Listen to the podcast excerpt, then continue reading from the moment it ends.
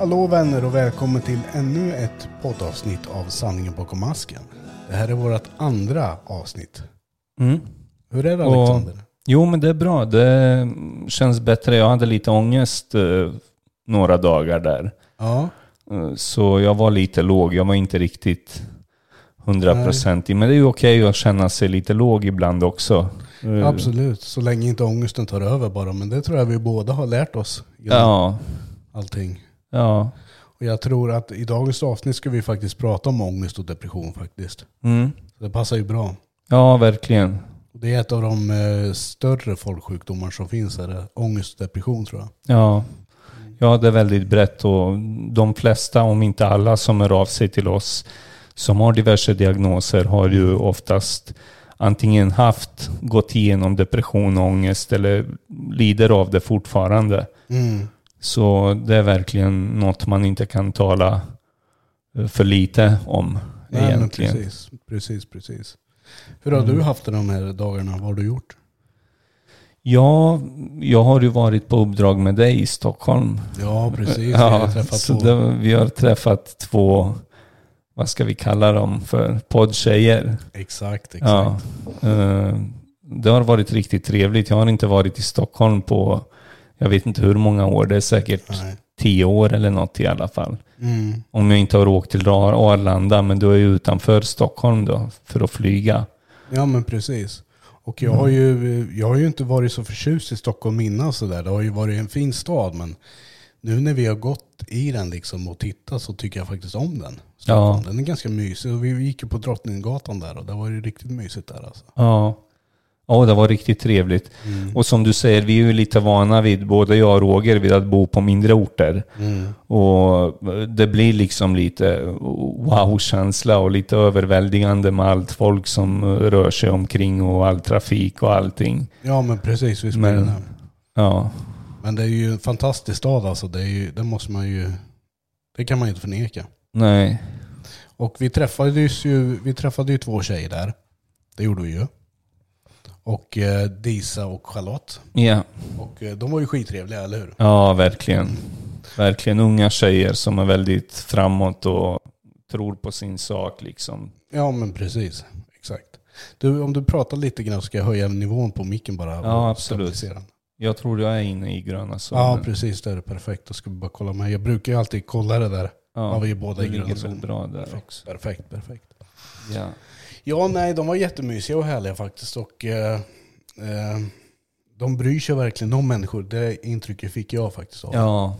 Jo, de var ju väldigt noga med att påpeka att vissa grejer vill vi inte ta upp för vi Nej. vill inte trigga igång någonting hos någon. Alltså Nej, precis. någonting dåligt. Vi talade ju om ätstörningar, Mm. vilket eh, våra tittare kommer få höra om på söndagens Mm. avsnitt. Absolut. Eh, och se också.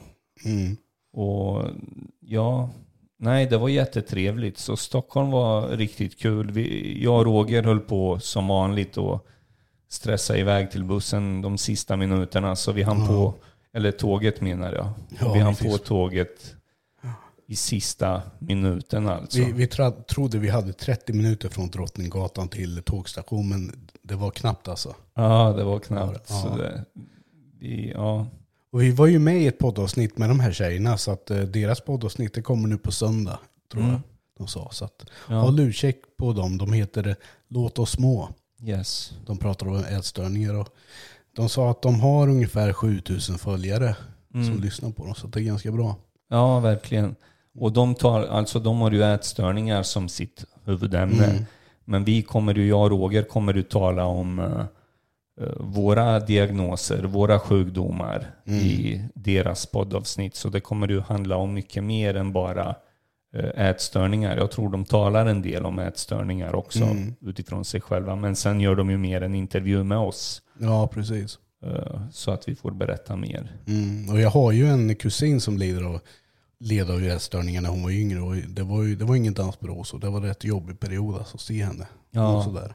Ja, och jag tror ju att de, de är väl medvetna om att eh, de inte mår så bra. Men samtidigt så har jag fått uppfattningen för att de hela tiden ser sig större och större ut. Att de måste hela tiden manta och äta mindre. Och de är aldrig nöjda. De Tycker fortfarande de ser för stora ut. Ja, Det är ja. konstig psykologi Ja, det är, ju, det är ju en sjukdom alltså. Det är ju, jag tänker på Linda som var här i ett avsnitt eh, Mm. när du var på semester Roger. Hon talade om anorexia. Ja. Och det var så intressant att höra. Alltså de hade väldigt mycket liknande eh, berättelser. Mm. Alltså saker och hur de såg på saker och ting. Och eh, även den här eh, behandlingen, vad den gick ut på. Alltså i Ja. början om att man skulle äta, eh, äta upp sig bara för att hjärnan ska börja fungera. Och sen tar man in terapi Ja, precis.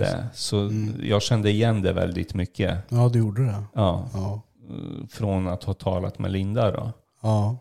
Eh, Sen, eh, jag vet inte om du reagerade på det, men de sa ju att en ätstörning kan inte ge sig så att det behöver inte synas på utsidan. Det behöver inte alltid vara. Nej. Just anorexia är väl den ätstörningen där det kanske syns mest att man är väldigt Mm. mager och sådär. Ja, precis. Men Man det- kan ju ha anorexi även fast det inte har gått så långt så att det syns. nej, Men precis. sjukdomen härjar fortfarande i hjärnan liksom. Mm. Mm. Ja, det, var ju hel, det var ju mycket med det där. Det var ju inte bara att man inte äter utan det var ju mycket tankar hur en anorektiker tänker, vad den tycker om sig själv. Och Ja, det är mycket psykologiskt där liksom. ja. Och jag tycker det är viktigt att vi lyfter det här också, för det är trots allt, alltså jag vet att eh, utifrån mig själv så hade jag väldigt lite kunskap om anorexia och ätstörningar överlag. Ja. Jag tänkte ju bara, men hur svårt kan det vara? Det är ju bara att äta. Mm. Men det är inte så enkelt. Nej, det är det ju inte. Och Oj jävlar! oj då, Nu spiller jag ut kaffe överallt. den fick ni med. Det blir bra tv i alla fall. Ja. Ja, den kom inte på, Nej, det är bara lite här. ja, Så. Vi förhoppningsvis. kan ta den lite åt din Men ditt håll. ta, vänta så du inte spiller mitt kaffe också. Du tar kaffe Ja. där också. Jävla klumpeduns måste jag säga. Du, jag tar det där sen. Ja, Jag har inte tid nu. nej, nu kör vi live. Nu kör vi säga. live tänkte jag Ja. säga också. Ja, precis. Men Ja. eh, jag var på Willys idag Mm. och jag träffade Romeo. Ja, okej. Mm, han som var med och, Ja, jag vet. mm, och han, var, han, han, pratade ju, han hade ju ett avsnitt hos oss där han pratade om sin alkoholism och vägen tillbaka till Mm. bra mående. Och det avsnittet fick väldigt många tittare. Mm. Så jag tror att det var väldigt eh, populärt. Tyvärr så var ju ljudet ganska kast på den inspelningen. Vi hade problem med ljudet. Det var mycket Ja. sprak och sånt där. Ja. Så jag frågade honom om han ville komma och göra en comeback och göra Mm. om, eller ytterligare en Romeo del 2. Och han hade inga problem med det sa han. Nej. Så det, det är väl någonting som Ja, men det är ju trevligt. Det tror jag också. Ja. Eh, Det är ju mycket av det här med missbruk också och allt sånt där. Eh, Alkoholism och Mm. ja, Fan vad lite kaffe har du. Narkotika. Och, ja, vi, jag tror inte vi ska fortsätta dricka kaffe när vi... Inte när vi har sådana här grejer. Nej. Ja. Ja, men vi går direkt på ämnet idag och ska prata om eh, eh, ångest och depression. Mm. Vi kan väl börja med dig. Och du kan väl berätta lite om din historia, hur du, ditt liv har varit med ångest och sådär. Ja. ja, vi börjar med ångesten då. Ja, men vi gör det tycker jag. Eh, som jag har sagt tidigare också så visste inte jag. eh, jag fick reda på vad innebörden av ångest väldigt sent i mitt liv. Mm. Eh, jag hade svårt att relatera till människor som eh, sa att de hade ångest. Jag hade Ja. väldigt svårt att förstå det. Mm. Det var liksom ett ord som jag hade hört men jag fattade verkligen inte innebörden av det. Nej, precis. Sen för mig började det, eftersom vi ska tala om depression och ångest, så kan jag ju säga att det började med en lätt depression Mm.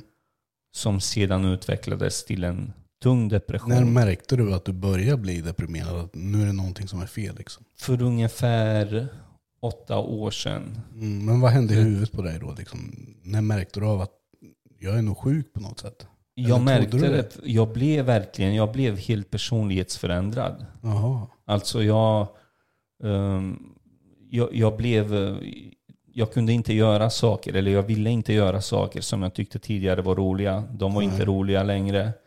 Jag drog mig undan människor. Jag var, Mm. har ju varit väldigt social annars. Mm. Väldigt mycket. Ja. Men jag började isolera mig och eh, umgås med mig själv mest. Alltså spela tv-spel, eh, när jag kom hem från jobbet så satt jag hemma och tittade på film, tittade på serier och drog mig undan. Alltså jag tyckte det var väldigt påfrestande med sociala sammanhang. Ja. Och det var väl så det började. Sen har du ju berättat också att jag fick ju även eh, innan depressionen så fick jag även fysiska tecken som utslag på kroppen och yrsel och sånt där. Det var väl ett tidigt varningstecken då om att någonting höll på att bli fel. Mm. Men det fattade jag ju inte då. Jag Okej. trodde jag, det var allergi. Ja. Och jag trodde att nej, jag vill väl inte umgås med folk för att jag helt enkelt inte orkar. ja, du tänkte inte på det då liksom? Att Nej, jag tänkte ju inte depression eller ångest i de banorna. Trodde du att det skulle gå över på något sätt av sig själv? Absolut, jag trodde ju det varje dag. Alltså Mm. varje dag trodde jag jag har en dålig dag som jag har haft tidigare och det kommer nog gå över. Mm. Det, om jag bara eh, löser något problem. Det var ju, jag hade ju, jag genomgick ju en skilsmässa och det var lite sådana här större grejer som hände i mitt liv Mm. som påverkade mig. Men jag tänkte det är ju inte undra på. Mormor gick bort, jag stod väldigt nära mormor. Ja. Ehm, och det liksom... eh, det hände sådana här grejer, förändringar, Mm. som jag trodde att, ja, inte undra på att jag är trött eller att jag känner mig lite låg och sådär. Ehm, men det tog ju aldrig slut. Det gick ju en månad, det gick två månader, det gick ett år, det gick två år och jag blev bara liksom sämre och sämre. Mm. Och då fick jag erfara vad ångest var också. För det kändes Ah, ju okej. liksom, när jag inte var deprimerad, Mm. så var det ångesten. Jag brukar säga det som, man brukar säga att man har en grön gubbe på ena axeln, en röd gubbe på andra. Ja. Men den här gången var det som två röda gubbar. Mm. Och den ena liksom, jag kan ju ta ett exempel som många av oss jobbar ju och vad heter det, vet hur det är att relatera till jobbet. Men Ja. På morgonen när jag vaknade så säger depressionen att Åh, du är så trött, du är så låg, du pallar inte, vad heter det, att eh, arbeta. Du kommer inte klara av dagen, liksom. stanna hemma istället. Mm. Medan ångesten talar för sig själv och säger att ja, går du inte till jobbet, ja, då kom, riskerar du att eh, förlora jobbet. Mm. Eh, Folk kommer snacka illa om dig bakom ryggen på dig. Och, Mm. eh, Just de här tankarna. Jag brukar Ja. beskriva det på det sättet, för det känns verkligen som röster inom en Ja. eh, som trycker ner en. Ja. Så ja, lite kort så var det så i mitt fall i alla fall. Okej. Ja. Och då fick jag ju erfara vad ångest var. Mm. Jag fick lära mig innebörden av ångest. Det var ju liksom när jag beskrev för folk hur jag tänkte, hur jag kände. Mm. Så vart jag, men du har ju ångest. Ja. Och jag var liksom, okej. Vad är det ungefär? Och du fattar inte vad den där känslan var. Vad trodde du att det var då? Nej, jag, alltså, jag vet inte. Ett tag trodde jag att jag höll på att bli galen. Ja, ja. Eftersom jag aldrig blev bra. Att jag blev sämre alltså. Jag blev väldigt låg. Jag blev väldigt isolerad. Mm. Ehm, Jag vet inte. Jag trodde... Jag vet inte vad jag tänkte. Jag trodde jag hade... Jag vet ju, jag gjorde många läkarundersökningar, hälsoundersökningar. Ja, mm. För att kolla om jag har cancer eller om jag har eh, liksom någonting annat, något annan, någon annan sjukdom. Och det är ju inte så lätt att få eh, sådana undersökningar heller. Utan då måste de ju ha någonting. Varför tror du det? Ja. Och när man liksom förklarade för dem vad det handlade om, då var det som, ja men du, du är ju utbränd. Du är deprimerad, du har ångest. Mm. Så det var helt nytt för mig och det tog mig säkert, det tog mig säkert två, tre år av att fatta innebörden av eh, depression och ångest. Vad tänkte du när läkarna sa det till dig? Du är ju utbränd, du har en depression. Vad tänkte du då? Jag tänkte att de har ingen aning om vad de talar om alltså. Nej. Jag, jag tänkte verkligen det. Och jag brukar tänka på det nu i efterhand. Om jag hade vetat, om jag hade satt i bromsen innan Mm. det gick så långt, Mm. Så hade det kanske inte behövt gå så långt. Nej, precis som du hade förstått liksom. Ja, Precis. precis. Om jag hade lytt deras råd, om, om jag bara hade lyssnat och litat. Jag hade, eller hade, jag har väldigt svårt med tillit Mm. eh, till läkare och sådär. Eh, myndigheter. Ja. Och jag tar för givet nästan när jag frågar, ber om hjälp så vill jag gärna, ja, jag lyssnar och tänker, är det någonting jag känner stämmer överens med det här, då går Mm. jag på det. Då köper jag det. Ja, Annars blir det liksom, de vet inte vad de snackar om. nej precis. Så jag gjorde min resa eh, väldigt lång egentligen. Den hade inte behövt bli så lång tror jag. Nej. Men just för att jag själv medicinera och trodde att jag kommer hitta lösningen Ja, på det här. Jag kommer precis. ordna det själv. Så, och vi brukar ju höra, vad heter det, om, eh, av eh, våra tittare också, och har ju sagt om eh, just det här när det gäller depression och ångest, att eh, nu tappar jag bort mig fullständigt. Okej. Ja, du, Men- vi har pratat om med våra tittare om depression och ångest. Ja, ja, jag kan återkomma till Ja, det. visst. Jag Mm. tappar tråden lite. Ja. Men eh, ja, i alla fall så var det i mitt fall. Eh, Du får gärna berätta hur du Ja, ja, själv ja. upplevde det. Hade du varit påläst innan eller hade du liksom... Nej, alltså jag hade ju depression och ångest i familjen så att jag kom ju överfund med det ganska snabbt vad jag hade. Mm, Jag tror ju att jag led av ångest och kanske depression redan när jag var en 6-7 år. Okej. Sådär. Jag tror kanske till och med fem. För jag minns att jag sa till min mamma liksom att jag känner mig konstig i huvudet. Jag, jag känner mig jättekonstig. Ja men vadå? Har du ont i huvudet? Har du huvudvärk? Eller nej mamma det är inte det. Jag, jag känner mig bara konstig. Mm. Och det tror jag var en form av ångest, depression. Ja, men du kunde inte sätta ord på det. Det, det nej liksom... precis. ja. precis. Mm. Och eh, idag, med facit i hand som du brukar säga, så skulle jag väl säga att det var nog det jag hade mer än depression. Ja men, ja, när jag kom in i de här eh, dagarna, liksom, jag, jag kunde känna mig så låg, även fast jag var i den åldern. Då hade man ju ingenting att vara låg över egentligen. Nej. Men jag kunde hamna i de här där jag kände mig liksom så himla nere och orolig i kroppen antagligen. Och det var väl en blandning av depression och ångest som jag...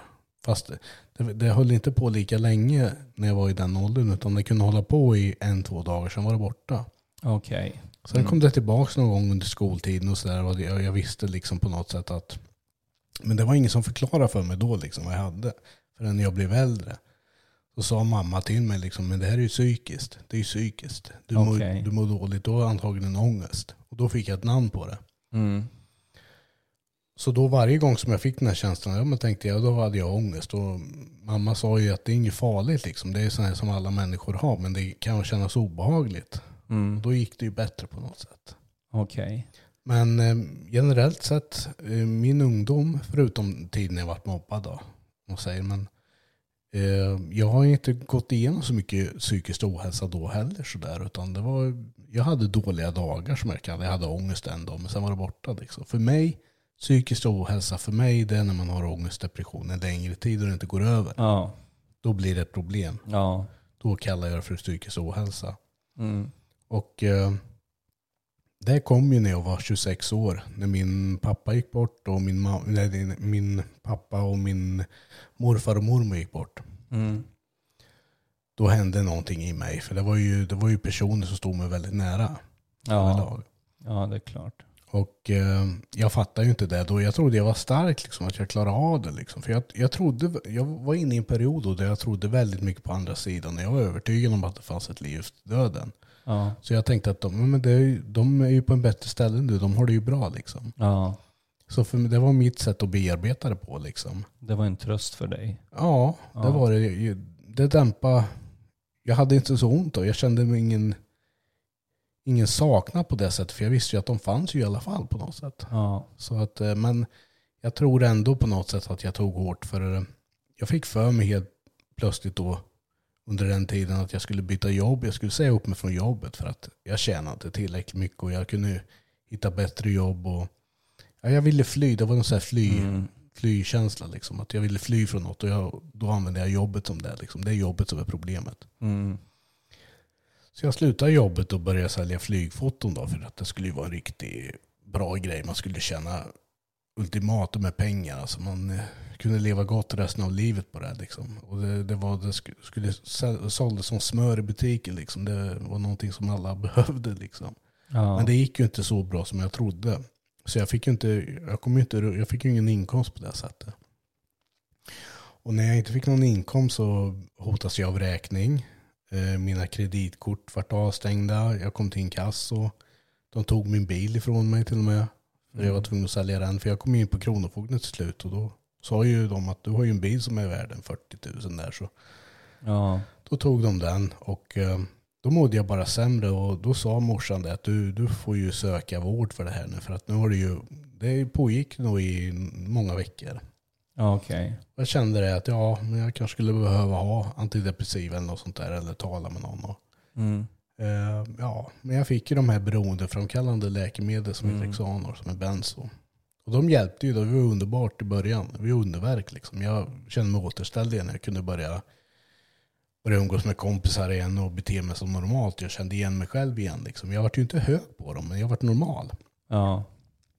Sen kom ju problemet att, eh, och det här vet jag i efterhand, att benzo, sådana här beroendeframkallande läkemedel, de ger ju ångest och depression till slut. Mm. När du fortsätter med det, när du utvecklar ett beroende av dem, då kommer, bero, eller då kommer depression och ångest som ett brev på posten. Liksom. Ja.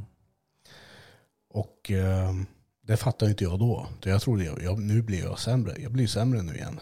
Då sa läkarna, ja men då är det dags att öka.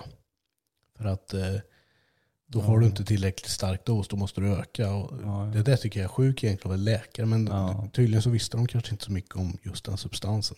Inte Nej. den min läkare då. Det här var Hur ju, var du, vad heter det, när läkarna, när du fick råd av läkare, alltså tog du till alla råd och all hjälp som du blev erbjuden? Eller var du lite mer eh, som jag då var, att jag löser det på egen hand alltså? Mm, nej, inte på den tiden. Eh, det, har, det har blivit senare med åren nu.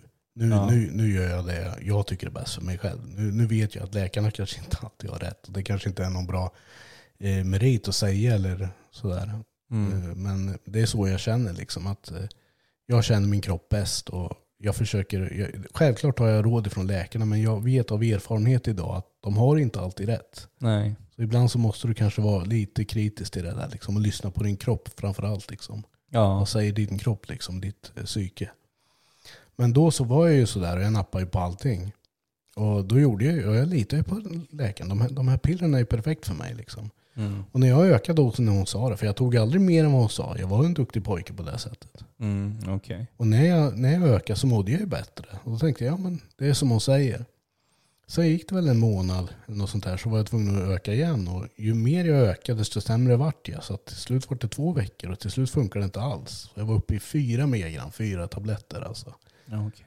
Och jag fick ju sådana konstiga, jag, fick, jag hade ju väldigt mycket ångest och jag kände mig väldigt deprimerad och jag kände mig ensammast i världen och jag var ful och äcklig och ingen brydde sig om mig. Alla snackade skit bakom ryggen på mig och jag isolerade mig. Jag flyttade ut i skogen den vändan också för att alltså det gör någonting med hjärnan de här pillerna. Och jag fick ju för mig liksom att det är ingen som vill ha mig, i alla fall ingen som vill veta av mig. Så att jag flyttar ut i skogen. Och då flyttade jag till en herrgård som ligger utanför Karlskoga. I ett Mm. litet hus där. Och eh, jag, mådde ju, jag, jag, jag, mådde ju bra för jag tänkte här är jag skyddad från allting. Men eh, samtidigt kom ju det andra problemet att nu blir jag isolerad istället. Och var är mina vänner? Var, varför, är det, varför umgås jag inte med någon liksom? Mm. Jag hade dem på Facebook och sådär och kunde skämta och sådär men nej, jag fick för mig, nej, det var jättekonstigt.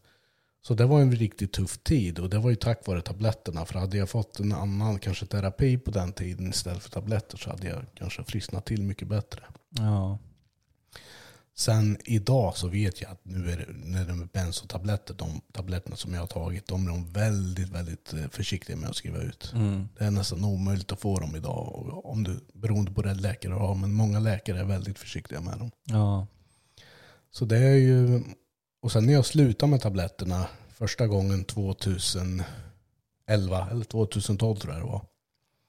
Det var riktigt hårt var det. Och jag hade, då hade jag extremt mycket ångest. Men det var ju en sund ångest. För jag hade ångest för att jag, ja, det var inte tabletterna som gjorde det. Det var, det var ju abstinensen som gjorde det, absolut. Ja, okej. Men då kom ju all, alla känslor som jag hade tryckt bort med tabletterna. De kom ju tillbaka. Mm. Allt som jag hade lagrat och lagt på hög och dämpat med på tabletterna, det kom ju tillbaka.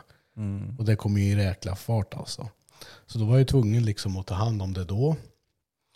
Och jag tyckte det var lite läskigt alltså. Så jag började med dem igen efter ett tag. Och sen slutade jag med dem och sen började jag dem igen. Så jag drog en tre gånger sådär. Mm. Och eh, det har varit en svår balansgång för mig för att eh, min, min hjärna har sagt ja men du behöver ju tabletterna. Tar du bara tabletter så blir det ju bra. Och varje gång jag har gått på tabletterna igen så har det blivit bra. Då har Ja, jag känt mig bra. Men eh, det är ju inte långvarigt. nej. Till slut kommer jag till den punkten att jag måste bestämma mig. Ska jag öka dosen eller ska jag ta bort dem helt? Och öka dosen det är egentligen inget eh, alternativ för det leder raka vägen till helvetet liksom. Det blir bara sämre och sämre. Det, det, det är vägen till det mörka liksom. Mm. Även fast det känns bra för stunden. Det är ungefär som jag brukar säga. Det är som att gå på helvetets vägar ner mot helvetet liksom. Och ha en demon som håller i handen liksom. Och, ja men det är okej, det är okej, det är Mm. okej. det är- For, fortsätt bara, fortsätt. Lite sådär alltså. Ja. Men eh, nu vet jag ju idag att jag kan inte gå på de där tabletterna. Det, det, det är inget liv, det är liksom bara fake allting. Så att, Mm. och idag, just idag så mår jag riktigt bra alltså. Ja. Jag har ju ångest också sådär men jag har lärt mig liksom att jag kan hantera det på ett annat sätt. Mm. Så att, och för min del har det varit att när jag är aktiv med saker, när jag gör saker som jag mår bra av, som jag tycker är roligt och jag känner att jag gör nytta för någonting. Att jag hela tiden gör något eh, pro- produktivt liksom. Då mår Mm. jag bra. Mm. Då, då vet jag, då kan jag hantera ångesten liksom sådär. Känner du att du är beroende av att göra någonting för att du ska må bra? Alltså att du måste hålla igång för att hålla Mm. ångesten? Det där är lite skillnad från när jag var yngre. För när jag var yngre då, då kunde jag liksom slöa framför soffan när jag tyckte det var det bästa jag visste och bara slå på filmer. Och det Mm. kunde jag göra om och om igen och jag, jag led inte av det. Idag lider jag av det. Mm. Så jag måste vara produktiv på något sätt. Men det kanske har med åldern att göra också. Ja. Och jag vet inte om det har med åldern att göra eller om det bara är så. Jag har ju upptäckt det själv också. Jag har ju Mm. berättat för dig nu de här dagarna när jag har haft ångest. Mm. Så har du ju gjort helt tvärtom mot vad jag brukar göra. Okej. Alltså kroppen har sagt att jag ska eh, stanna hemma, att jag ska lägga mig i sängen, att jag inte ska göra någonting. Ja. Men hjärnan har liksom talat om för mig, då gör du ju precis samma grej som du gjorde när du blev sämre sist. Så ut med dig och rör på dig liksom. Mm. Ring någon. Och jag har gjort det faktiskt och det har hjälpt. Men jag Ja. blir ju, samtidigt så känner jag så här, jag ska ju inte behöva vara beroende av att ehm, göra någonting. Alltså tvinga mig själv Nej. till att göra någonting för att må bra. Jag vill Nej, liksom att det där precis. ska... Det är det jag reagerar på också. För då blir det helt fel det också. Att då blir det som en drog i sig att du måste göra saker Mm. hela tiden för att må bra. Och jag tycker livet ska inte vara så. Man måste kunna ta det lugnt ibland och välja själv. Utan Mm. att man känner press att man måste göra någonting. Mm, Så för min del, jag älskar ju att ta det lugnt. Jag älskar ju att slappa efter jobbet liksom och bara ligga och eh, kolla på film eller något sånt där. Och mm, jag är ju en sån person i, i, i grunden.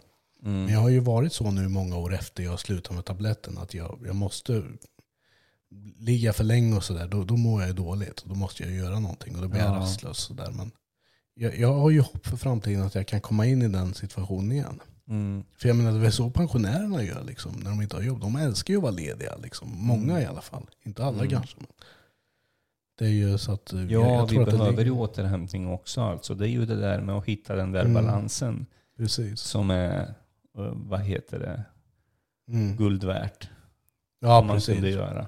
Men just nu är jag i den fasen där jag känner att jag vill vara produktiv för då mår jag bra. Mm. Så jag kan ta det lugnt. Men om man ska säga under en dag så vill jag vara produktiv i alla fall över 50 procent. Ja, Någonting. ja. Och det är inte samma sak som att gå till ett vanligt knegarjobb för mig. Utan det ger mig inte speciellt mycket i, i själen. Liksom. Jag, jag, jag vill komma med idéer. Jag vill, jag vill liksom använda min kreativitet. ja. Jag vill hjälpa andra människor. Jag vill känna att jag har ett syfte. Liksom. Ja, jo men Det är det, det är jätteviktigt. Absolut, Mm. det håller jag med dig om. Jag tror aldrig jag har varit någon sån där som har varit bra på 7-4 jobb. Liksom. Nej, nej. Men man, har, man har ju för att man måste ju liksom göra det också. Men Ja. om jag fick välja så skulle jag vilja vara min egen chef och göra produktiva saker och Mm. kunna gå runt. Liksom. Ja men det, är ju, det har du ju också haft svårt med. Just du nämnde magiska ordet där, måste. Mm. Att jag måste, jag måste. Och alla sådana här måsten har tagit emot något så fruktansvärt på mig. Ja. Alltså jag måste gå till jobbet för att jag måste ha en bra ekonomi. För att jag måste kunna försörja barnen. ja, Och precis. det blir liksom, det blir som hjärnspöken alltså. Det, Ja, men det blir fel. det blir fel ja. Mm. Ja. Och många människor, jag beundrar människor som klarar av det. Liksom. Och Ja, verkligen. Det är ju alltså det är ju bra att det finns liksom. Och jag var ju mycket så när jag var yngre. Då kunde jag palla med sånt där liksom. Då kunde jag, jag jobbade ju på sågverk exempelvis. Höll på med träindustri. Och det var ju sju till, jobb, till fyra jobb. Och vi hade stämpelklocka och vi skulle stämpla in och stämpla ut och allt det där. Och det, det gick ju bra liksom sådär. En, en tid.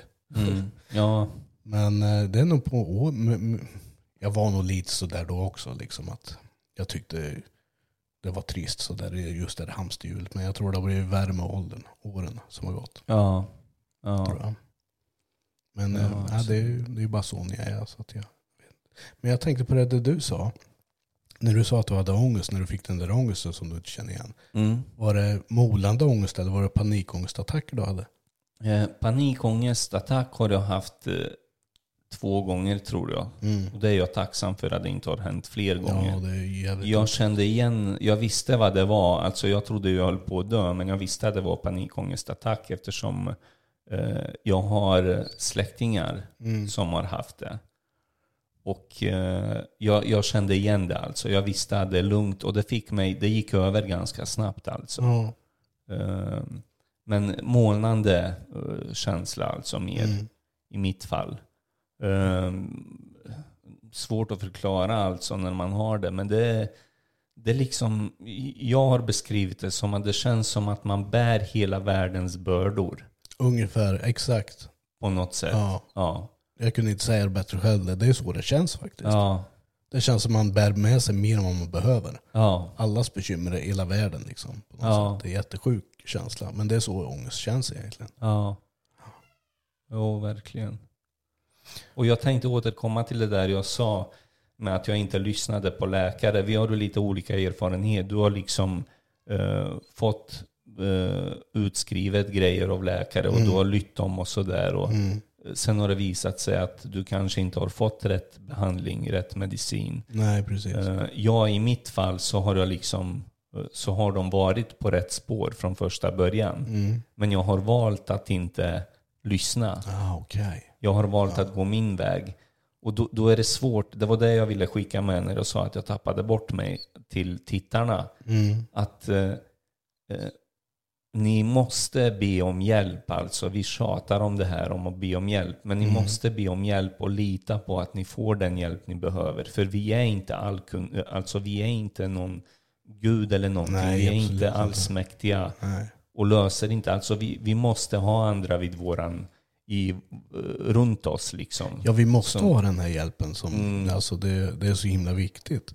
Och jag tror ju att det du säger, liksom, du, du säger ju det, att det finns hjälp att få där ute. Och det är ju också, jag tycker också det. Även fast Mm. jag klagar mycket så, så är det ju liksom, det är alternativ är det enda som gäller. Liksom. Så Ja. Därför säger jag att jag är väldigt mån om att träffar man fel läkare eller fel psykolog från början eller terapeut och du känner att nej, det här ger mig ingenting så ge inte upp och tänker att nej men jag klarar inte av terapi. Det gör du visst det. Är bara det att du har, du har inte träffat rätt person Nej. för dig. Liksom. Nej, det är ju jätteviktigt att man Mm. klickar ihop med Mm.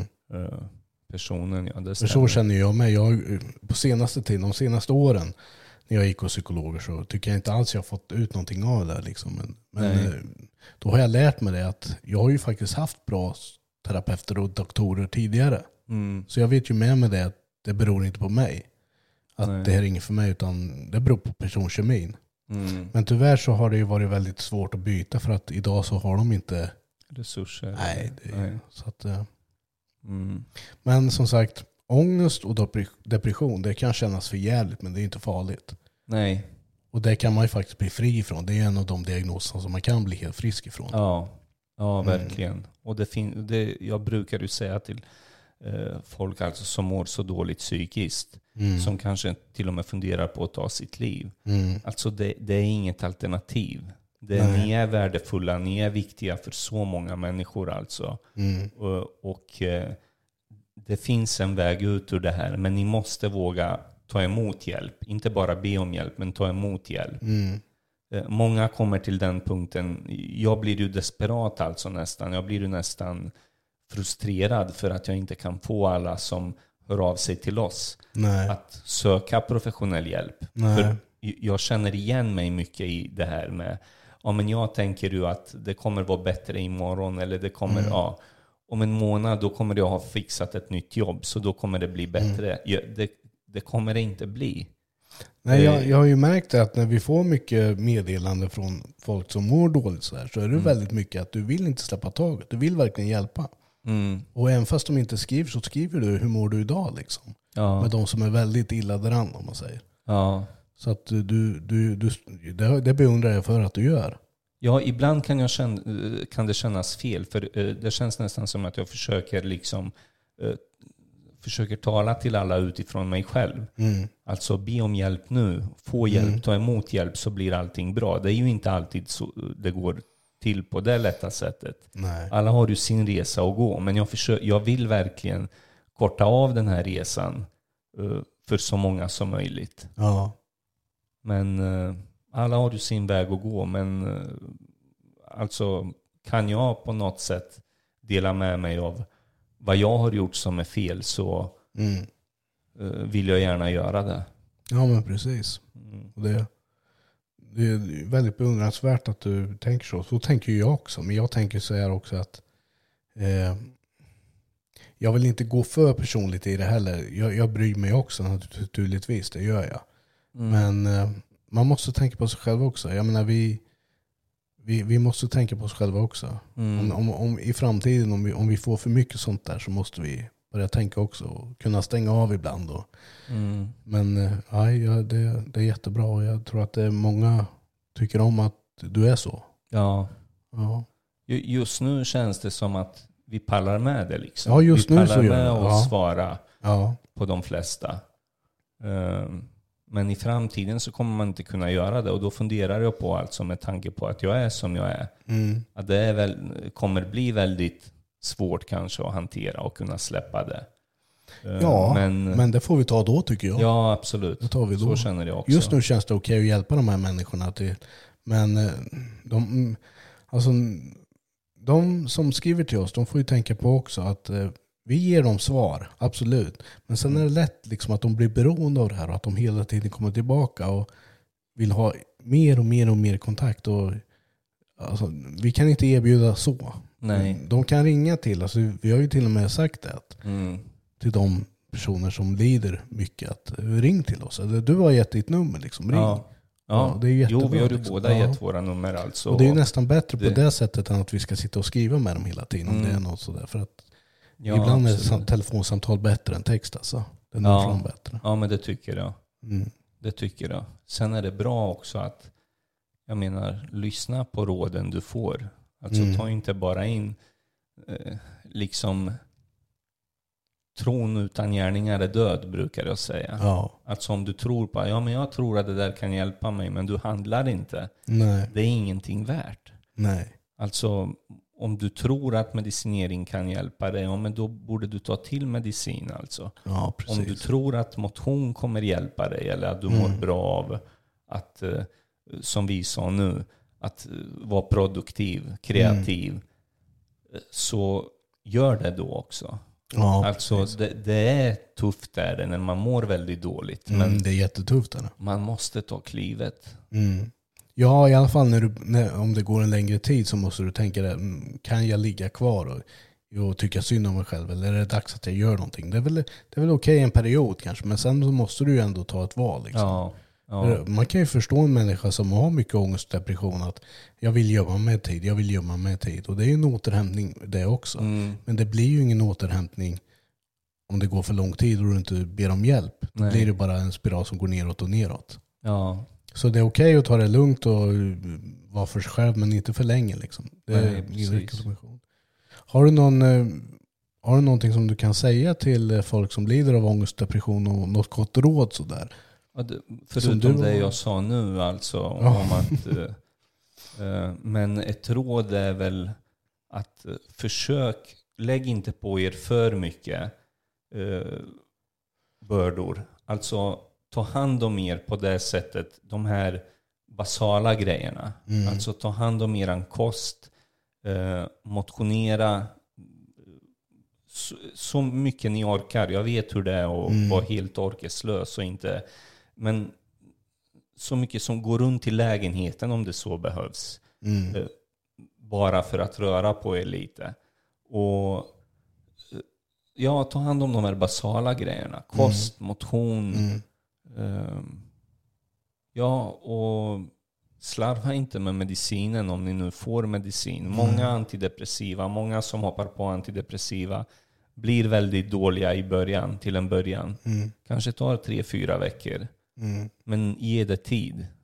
Ge det tid. Och det finns, och funkar det inte, vi har varit med om det båda två Roger, att det inte har funkat med medicinen. Säg det till läkaren då. Säg det, det här är nog inget för mig. Nej, precis. Eh, Det, det finns så mycket olika och det, uppenbarligen är det så. Vi talade ju med Disa och Charlotte igår. Mm. Jag tror Charlotte hade ätit antidepressiva som jag äter. Ja, precis. De funkar ju inte alls bra på henne. Nej. Sertralin. Medan det funkar utmärkt på mig. Mm. Så ge det tid och... Ja, jag vet inte. Och ta kontakt med någon alltså. Prata med någon. Prata öppet om när ni mår dåligt. Och, eh, ni, ni ska inte behöva skämmas för en sjukdom alltså. Nej. Så, ja. Nej, som du säger, jag håller helt och hållet med dig om motion sådär och, och kost också naturligtvis. Det är ju någonting vi får höra av läkare och allting att det är det viktigaste och det kan vara svårt när vi mår väldigt dåligt att komma igång med det. Men man, man behöver liksom inte gå på gymmet det första man gör man kan ju ta små promenader det hjälper. Ja. Och sen är det mycket det också att slå inte på dig själv för att du mår så här utan det här är ju en fas i livet som du går igenom. Och det här är ju någonting som du inte kommer känna för evigt resten av ditt liv. Utan det här är ju en fas som du ska jobba med så att det går över. Så att du kan säga det här sen att jag hade en fas i livet när jag mådde dåligt, när jag hade depression och ångest. Mm. Och då, så att, ja, då kan du kanske hjälpa andra i samma situation. Men det här är ju ingenting som kommer vara för evigt. Det, alltså, det kan bli långdraget om du inte tar ansvar för vad du känner, precis som alla sjukdomar. Liksom. Ja, Men- det var bra sagt också. Ja. Att verkligen ta ansvar för sin sjukdom. Ja. Ja, Mm. för det är ju, eh, det här är ju faktiskt ångest och depression, det är ju en av de diagnoser som går över, som Mm. man kan bota. Mm. Och som sagt, ångest, det tillhör ju livet och det lever vi ju med dagligen. Alla människor gör ju det, Mm. mer eller mindre. Men vi som har sjukdomen eh, generaliserad ångestsyndrom eller kronisk depression eller så, vi känner ju över dubbelt så mycket som andra gör. Ja. Men vi kan fortfarande bli bra ifrån det. Och vi kan komma och kunna leva som vanliga människor också. ja, leva vanliga känslor. kvalitativt För så känner väl du nu? Mm. Ja, verkligen. Verkligen. Och jag är ungefär i samma ställe. Ja, jag är, där, jag är där nu. Alltså jag har på något sätt inte lärt mig leva med det. Nej. Men jag är medveten om det, att det finns där. Mm. Men jag vet också att det går att bli bättre. Mm. Och att, eh, vad heter det, att det hjälper att tala om problemet alltså. Ja, Det precis. hjälper inte att känna skam och skuld då, eh, till de som har anhöriga som är deprimerade och sådär. Så vill jag också säga att eh, var inte dömande. Peka inte finger alltså. För det är väldigt svårt för någon som mår psykiskt dåligt Mm. att så mycket som att äta Mm. eller ta en promenad Ja, precis. det är väldigt tunga grejer. Utan uh, var stöttande och lyssna verkligen. Lyssna på personen alltså. Mm. Uh, och ja, absolut inte vara dömande alltså. Säg Nej, inte det är det värsta något du kan som vara som du är lat eller ja, det är Mm. Hemskt att höra. Nej, just de sakerna som du sa nu, det är det, är det värsta man kan säga som Mm. anhörig till någon som är sjuk. Ryck upp dig liksom. Och, ja, Ja, precis. Mm. Det är ingen tröst. Nej, Det är verkligen absolut ingen inte. tröst. Det är det absolut inte. Och eh, ångest och depression, det har ju sidovägar så det leder ju till andra saker också som OCD, tvångstankar och sådana saker också. Men det ska vi ta upp ett kommande avsnitt. Mm. tar upp diagnoserna för sig.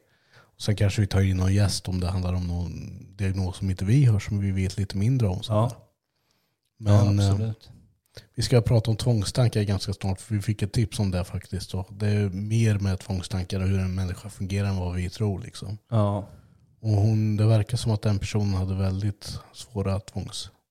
ja. Kanske. Ja, vi har ju hört av vissa som lever med det. Det kan Mm. inte vara roligt alltså. Jag har ju fått tvångstankar också sådär när jag har haft mina, mina djupa depressioner och ångest sådär. Så har jag fått det. Men jag tror att det är, det är hjärnans sätt att försvara sig och försöka hitta lösningar, vägar ut på något sätt. Ja, Och då blir det sådana här komplikationer ibland. Och jag har ju inte haft så jättestora tvångst som har stört mig något enormt. Men det har ju varit att jag kan fastna i tankemönster, att jag tänker på ett visst sätt. Och sådär. Mm. Jag vet inte om du har upplevt det? Eh, inte, inte så värst att det har varit ett problem faktiskt. Nej. Eh, Så det blir intressant för mig att höra alltså. Ja. Mm, vad blir- som sker i hjärnan och ja, Ja. kroppen. Ja, precis. Ja, eh, hur länge har vi hållit på nu tror du? Jag tror vi har hållit på en timme faktiskt. Ja, vi måste jag städa tittade upp. på klockan men vi rundar väl av. Ja, vi måste städa upp kaffet som jag spillde ut. Ja, precis. Innan det stelnar. Ja, precis. Ja, Men eh, tack så mycket för att ni var med och lyssnade på oss idag. Och, eh, följ kanalen, följ podden och eh, ni som tittar på YouTube nu så ska jag säga att vi finns på Spotify, vi finns på Apple Podcaster och på Google Podcast. Så att vi finns på tre plattformar. ja. ja precis. Mm. Och vi kommer, vi, vi är igång nu igen alltså. Vi har eh, gäster på gång. Mm. Eh, vi eh, har hört av några som vill höra om autism, att vi ska ta upp Mm. det. Det är på gång, allting är på gång. OCD sa ju du. Mm. Eh, vi, tar, vi tar upp Det var, verkligen det var någon mesta. som ville komma och prata om borderline också hörde jag. Sådär. Ja, Så att det finns att ta i.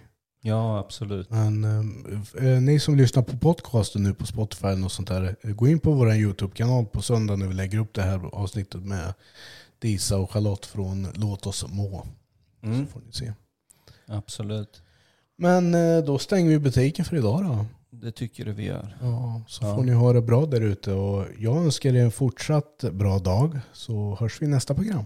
Detsamma, det önskar jag er också. Och skicka en tumme upp eller ner, vilket ni än väljer. Och prenumerera gärna på vår kanal. Hjälp oss sprida ordet eh, vidare.